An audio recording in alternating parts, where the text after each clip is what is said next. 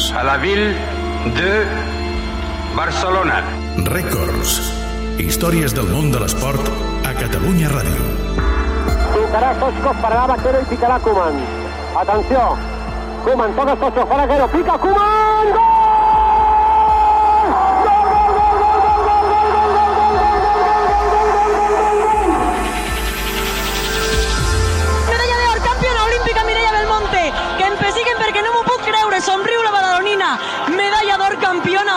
Olímpica. Quina vegada temuda retalla! Gol, gol, gol, gol, gol! Quin gol, quin gol, quin gol, quin gol! Murri, Murri, Murri, Murri, Murri, Murri! Ha estat Murri temuda! Ha estat Murri temuda! Records. Un programa del Departament d'Esports de Catalunya Ràdio amb el muntatge musical de Marc Peirón i Sergi Cotilles. Benvinguts a casa vostra. Apreteu-vos els cinturons, que ens ho passarem bé.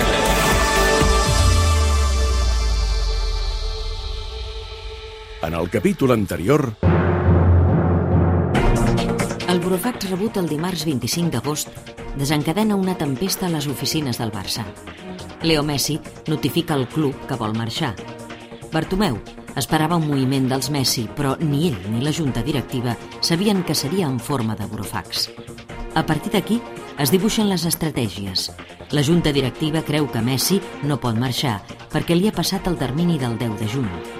Messi creu que la temporada acaba a l'agost, amb el desenllaç de la Champions i, per tant, el burofax té validesa legal. A Messi l'assessora el bufet d'advocats Quatre Cases, el mateix del club. El club trenca relacions amb aquest bufet perquè ho veu com una traïció i després de molts estira i arronses acaba guanyant. Messi accepta a contracor quedar-se al Barça. Mentrestant, un soci es presenta a les oficines del club per iniciar els tràmits de la moció de censura.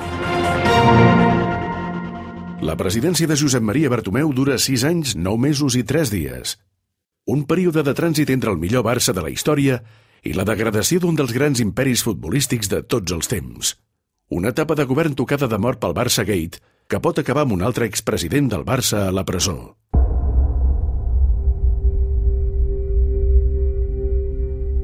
Els últims dies de Bartomeu. Capítol 3. El vot de censura. El dimarts 25 d'agost, quatre hores després de saber-se de l'existència del burofax de Messi, el grup Manifest Blaugrana anuncia en un comunicat que si abans de tres dies el president Bartomeu no dimiteix, iniciaran els tràmits per presentar un vot de censura per fer-lo fora del càrrec. L'endemà, sense avisar ningú i al marge d'aquest comunicat, un soci que respon al nom de Jordi Ferrer, precandidat a les eleccions del 2015, es presenta a les oficines del Barça i sol·licita oficialment un vot de censura contra Josep Maria Bartomeu i la seva junta directiva. Es posa en marxa, ara sí, la moció.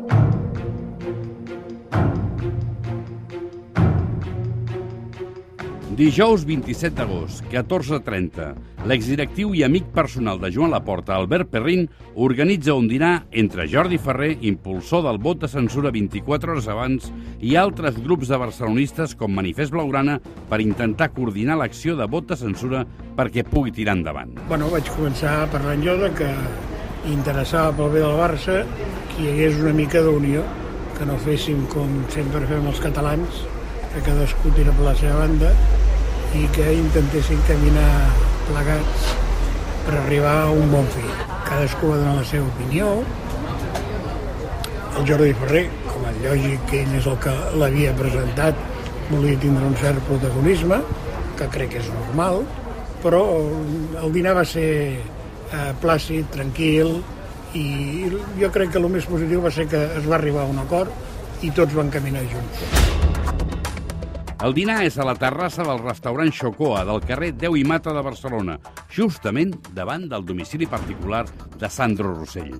Hi assisteixen sis persones, Albert Perrin, Jordi Ferrer, Marc Duc i tres representants més d'altres grups de barcelonistes.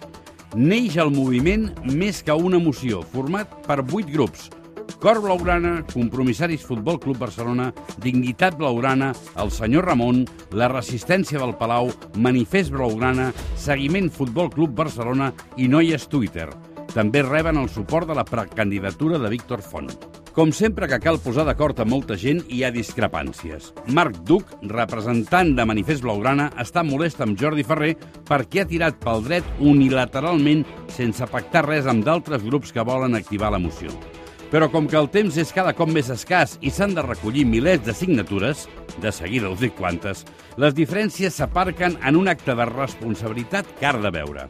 El 31 d'agost, els impulsors de la moció recullen el Club Les Paperetes i el dia següent comença el període de recollida de signatures. Atenció, tenen 14 dies hàbils per aconseguir 16.520 firmes.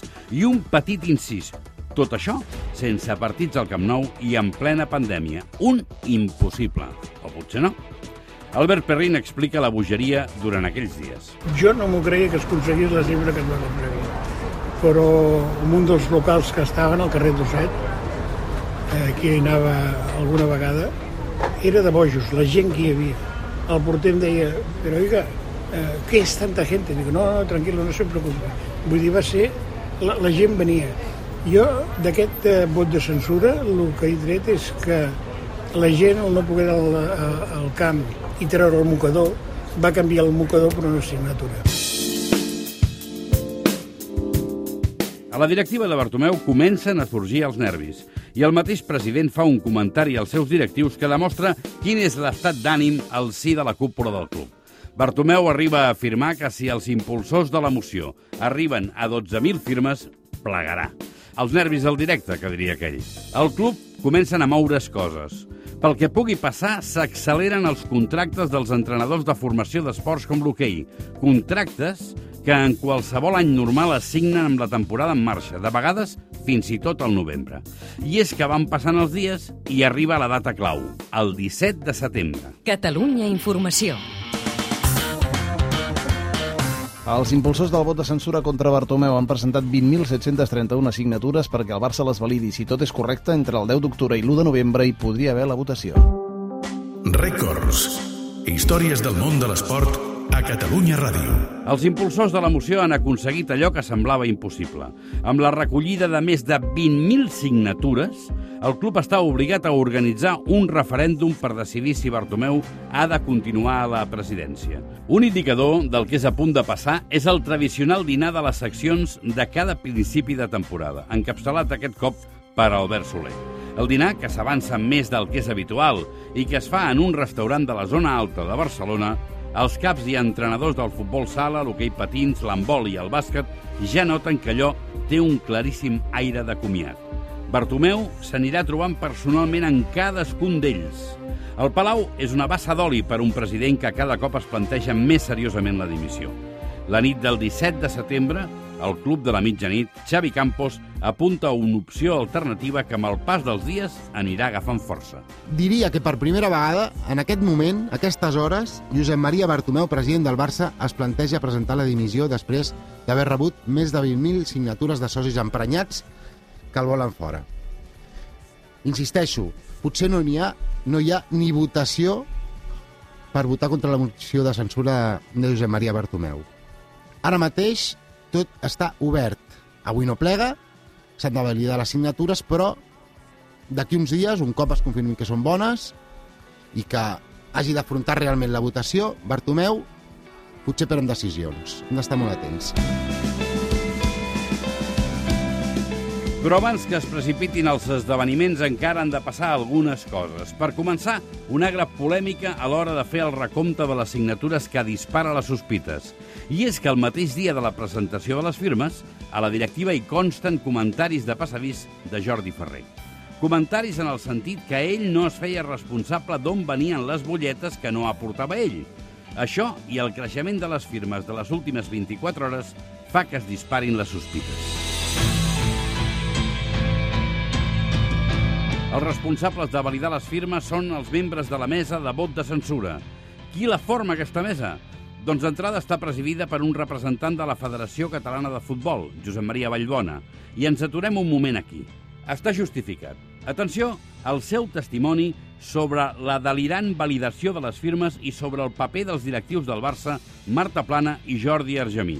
Per començar, sospites sobre carnets falsos dia de la constitució de la mesa, no van dir que hi, que hi havia signatures falses, però van dir com en el partit del Barça-Madrid es van fer unes ventes de carnets, tenim la sospita de que aquí també s'hagin fet ventes de carnets o s'hagin eh, fet eh, falsetats amb els carnets. Que hi havia alguna màfia, algun, algú que, que traficava amb els carnets referit a això i que pensaven que en aquí també podia ser.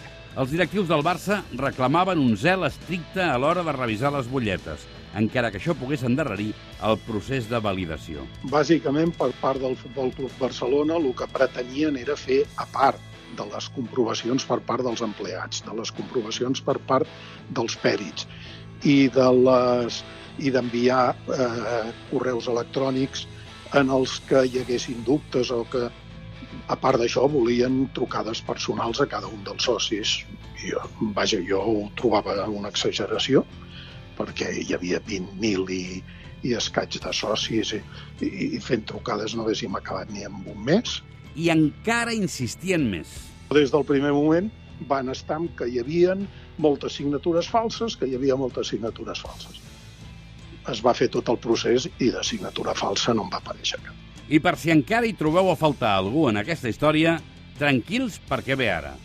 De sobte, va i apareix la Guàrdia Civil. Van venir amb un ofici de la Guàrdia Civil dirigit al Futbol Club Barcelona, el responsable de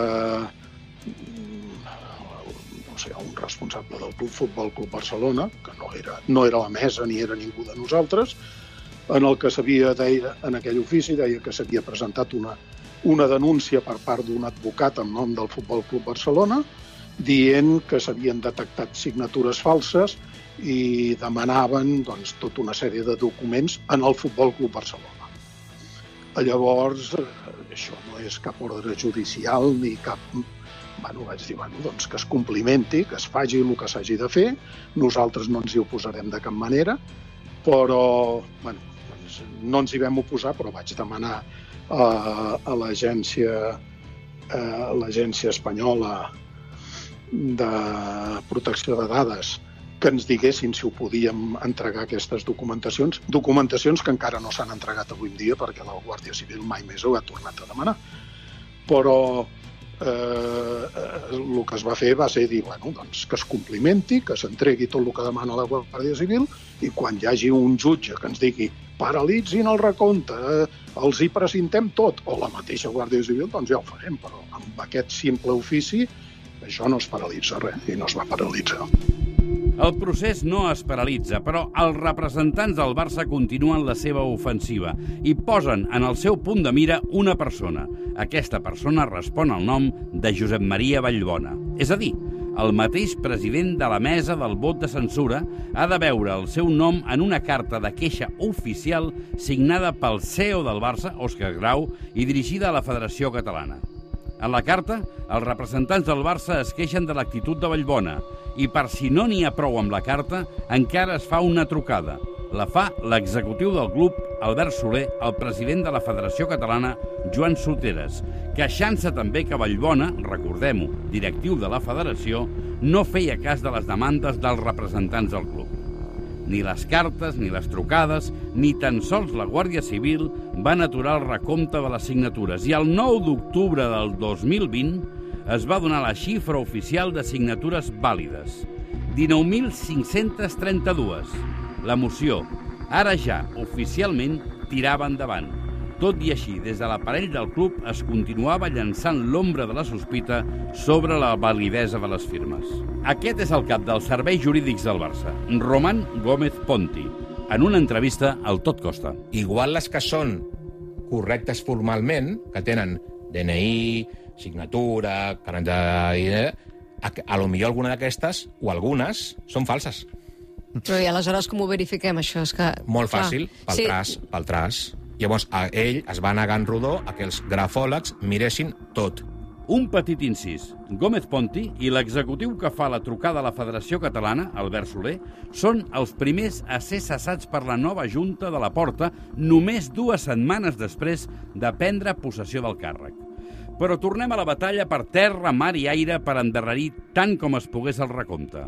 Aquesta actitud d'alguns era el preàmbul de la següent batalla que juga des de les instàncies oficials del Barça per torpedinar la moció de censura. Com que ja és clar que s'ha de celebrar la votació, ara es tracta de mirar d'impedir-la. Com?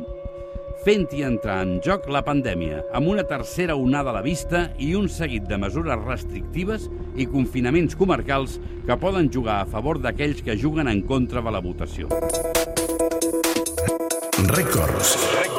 Un programa del Departament d'Esports de Catalunya Ràdio amb el muntatge musical de Marc Peirón i Sergi Cotilles. Davant de l'actitud dels representants del Barça envers la moció i olorant-se que el següent pas seria sol·licitar l'ajornament de la votació, el president de la mesa del vot de censura, Josep Maria Vallbona, fa una consulta a la Generalitat.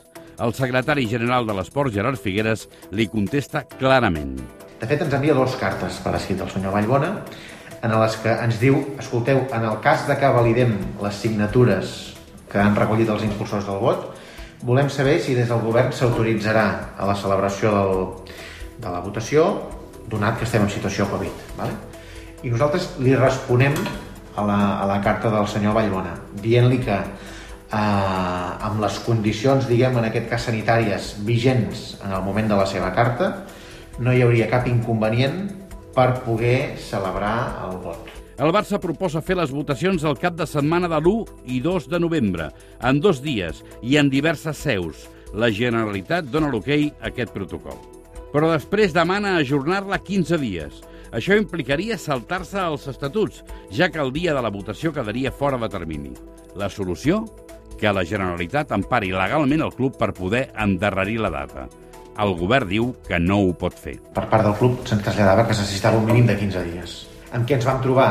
Doncs amb que un cop el protocol estava validat no hi havien els 15 dies d'acord amb els estatuts del Barça. Però des d'un punt de vista del govern no teníem cap eina jurídica que impedís d'alguna manera eh, doncs, eh, realitzar la votació en les dates que plantejaven els estatuts. No? Amb la qual cosa que es va produir, jo diria, un, una petició per part del club, com va veure també per escrit, dient que, si us plau, nosaltres emetéssim algun tipus de resolució, algun tipus d'acte jurídic que li permetés al club incomplir els seus estatuts i que nosaltres els donéssim cobertura jurídica. I això, des dels serveis jurídics de la Generalitat, no es va, no es va veure oportú. Jo entenc que tenia sentit.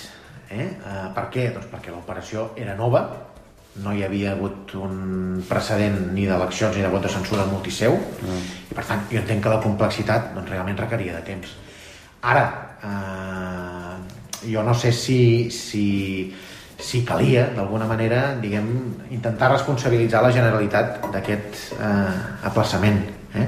en tant i en quant, doncs, jo diria que la, feina es va començar a fer amb molta antelació. Bueno, jo en alguna ocasió vaig fer servir l'expressió de que el tic-tac, no? de que el rellotge corria i que per tant doncs, eh, eh, les coses s'haurien pogut començar a treballar abans. Al principi us hem explicat que tot aquest procés el desencadena l'acció espontània d'un soci a finals d'agost. Des que sol·licita el vot de censura per sorpresa a les oficines del club fins ara, s'han anat superant tots els obstacles. Recollida de firmes massiva contra pronòstic, acusacions de carnets i signatures falses, intervenció misteriosa de la Guàrdia Civil, pressió d'executius del club a la Federació Catalana de Futbol i, finalment, un intent perquè la Generalitat assumeixi l'endarreriment de la votació. Però, de moment, res atura aquest moviment iniciat pels socis del Barça. Cada cop més, Josep Maria Bartomeu es troba contra les cordes.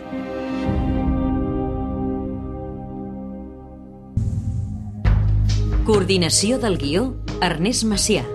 Guió del capítol, Marta Carreras, Ramon Salmurri, Bernat Soler, Xavi Campos. Relat i veus, Pere Escobar, Dolors Martínez i Carles Dabó. Redacció, Ernest Macià, Marta Carreras, Sònia Gelmà, Jordi Costa, Ramon Salmurri, Bernat Soler, Jordi Borda i Xavi Campos.